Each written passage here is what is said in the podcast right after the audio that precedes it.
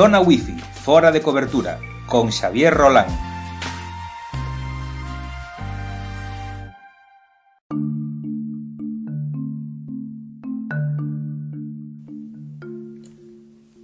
Ola, benvidos a un novo episodio de Zona Wi-Fi fora de cobertura O prometido é débeda, así que este capítulo vou a dedicarlo a como acceder a equipos en remoto porque por fin atopei unha maneira de poder eh, traballar con calquera dos meus equipos a distancia e mm, dun xeito medianamente normal.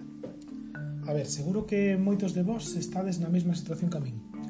Tedes un ordenador no traballo, outro ordenador na casa e queredes acceder a arquivos que se atopan nun ou noutro con independencia de que equipo utilizades habitualmente.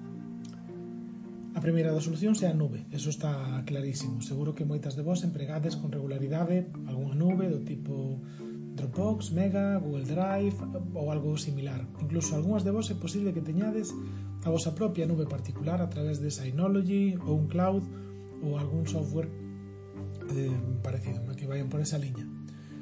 No meu caso, eh, como son agora mesmo usuario exclusivo de, de Mac ou case exclusivo, pois emprego a nube de iCloud, a versión de balde dache 50 xigas, pero bueno, non son suficientes, así que pago 3 euros cada mes para ter acceso a 200 xigas que tamén dito sea de paso eh, para min son demasiados pero non hai unha solución intermedia con, con 100 megas. Si, sí, falaredesme da de, de Google pero a min Google para o que eu utilizo non me arranxa absolutamente nada sobre todo por temas de sincronización.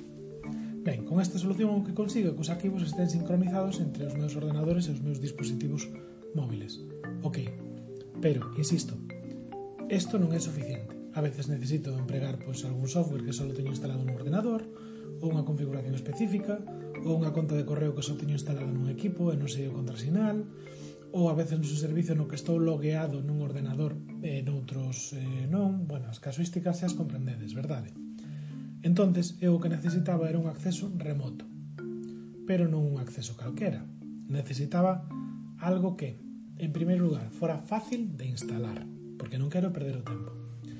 Fácil de configurar, porque non quero andar con contrasinais e metendo o equipo eh, que nun lado agora non podo conectarme porque necesito contraseña ou cousas así. Necesitaba tamén que os equipos queden conectados automáticamente, que se inicia a sesión, se conecten automáticamente a ese propio servicio e non teña que tocar nada máis. Que funcione, e isto era fundamental, sen latencia ou coa mínima latencia posible, E por último, pois que non fora moi caro, porque estou disposto a pagar, pero tampouco a ter unha suscripción mes a mes por este, por este servizo. Entón, con estas cinco características, solucións que me permitiran pois case todas estas había moitas. Google Remote é máis coñecida, por ser cómoda, por ser gratis, TeamViewer seguro que a coñecedes todos porque é a solución profesional máis coñecida, a que máis eh, eh, bueno, que máis eh, está estendida mm, non só no entorno empresarial, pero bueno. Pero a min esas dúas non me servían, e probei moitas.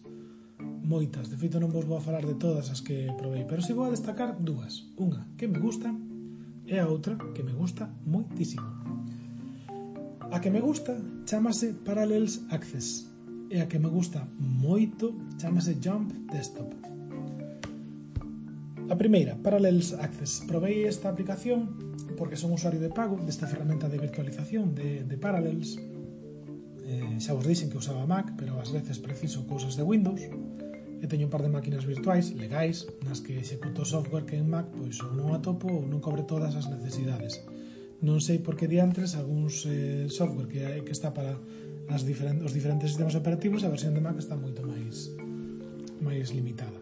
Ben, pois Parallels Access dá soporte a cinco equipos de balde, de forma que podes acceder a cada un deles desde calquera dos outros equipos, incluídos teléfonos e tabletas. É unha cousa que me gusta que desde os móviles e desde as tabletas pois ten unha lanzadeira de aplicacións. As aplicacións que teñas abertas no teu ordenador pois vanche aparecer con, con unha icona e xas podes lanzar. O que simplifica pois moito o que queres o que queres usar. E insisto, o bo é que é unha ferramenta gratuita pero pero ten certa latencia que non me acababa de convencer eh, non só iso, senón que además pois é algo que me pon relativamente nervioso. E así foi como cheguei á solución que me gusta moito, que é Jump Desktop.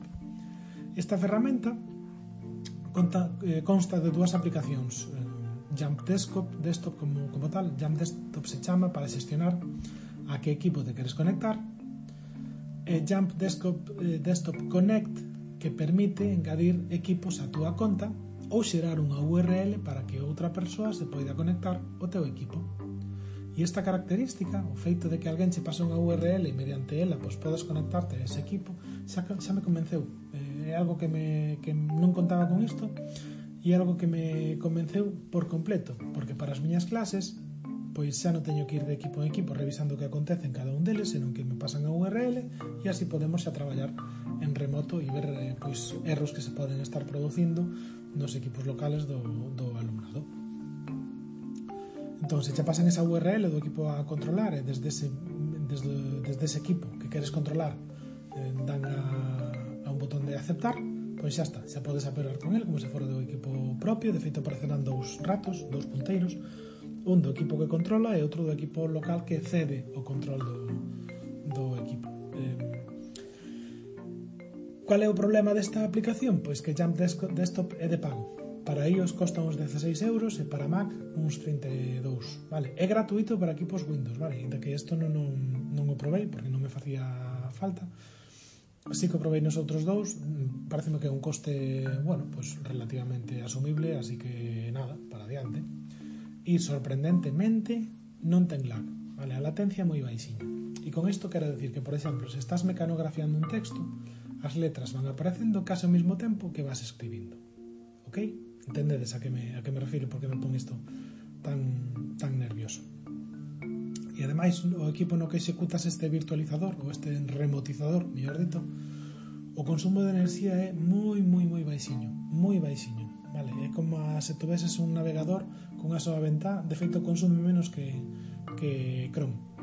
E así é como traballo con total normalidade, pois con un equipo que ten un procesador i7, que é unha gráfica dedicada, podo eh, romotizalo e traballar pois desde un equipo moito máis pobre en características, non? Un Core 2 Duo con unha gráfica integrada, un, un ordenador que ten 11 anos, en realidade pois estou traballando eh, con un equipo moito máis máis potente.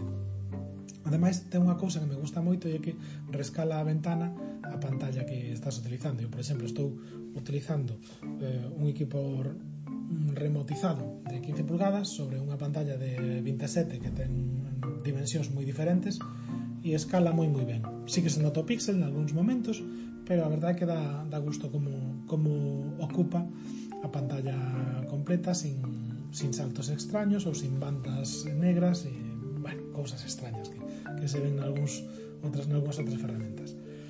Ademais, bueno, pois outra cousa que me convenceu é que agora por fin podo traballar con iPad como se tivera un verdadeiro sistema operativo con cousas tan básicas que non entendo como non ten un iPad como arrastrar ventás ou, ou asinar con certificados digitais comprimir e descomprimir sen problemas eh, arquivos O único que, bueno, eh, en función de, da ferramenta que utilicedes para, para un remoto, ben sexa Parallels Access ou, ou Jump Desktop, tedes que ter en conta unha cousa, as conexións VPN ou os adblockers nos equipos onde executamos esta virtualización ás veces poden darvos problemas, dígolo para que a veces non digades ai, que agora non podo conectarme a este equipo posiblemente algún dos adblockers está causando algún tipo de, de, de problema, vale? E xa está, esta é a conclusión. Equipos os que queiras, ligados a túa conta, vale? Non só cinco como con Parallels Access. Acceso a equipos externos por invitación mediante URL, latencia moi moi baixiña, un consumo enerxético na mesma liña e, bueno, amigas, isto é a combinación gañadora, así que mm, se estades nesta casuística ou se tedes algún problema de, de virtualización, eu sí que vos pregaría que, que lle botasedes un, un vistazo a estas aplicacións para traballar en, en remoto con outros equipos. Podedes empezar, se queredes, por a, por a gratuita para Access, pero xa vos digo, ao final acabei pagando polo, polo software porque Jump Desktop cubre as miñas necesidades moi folgadamente. E hasta aquí este podcast sobre eh, traballar en remoto con outros equipos. Chao, chao!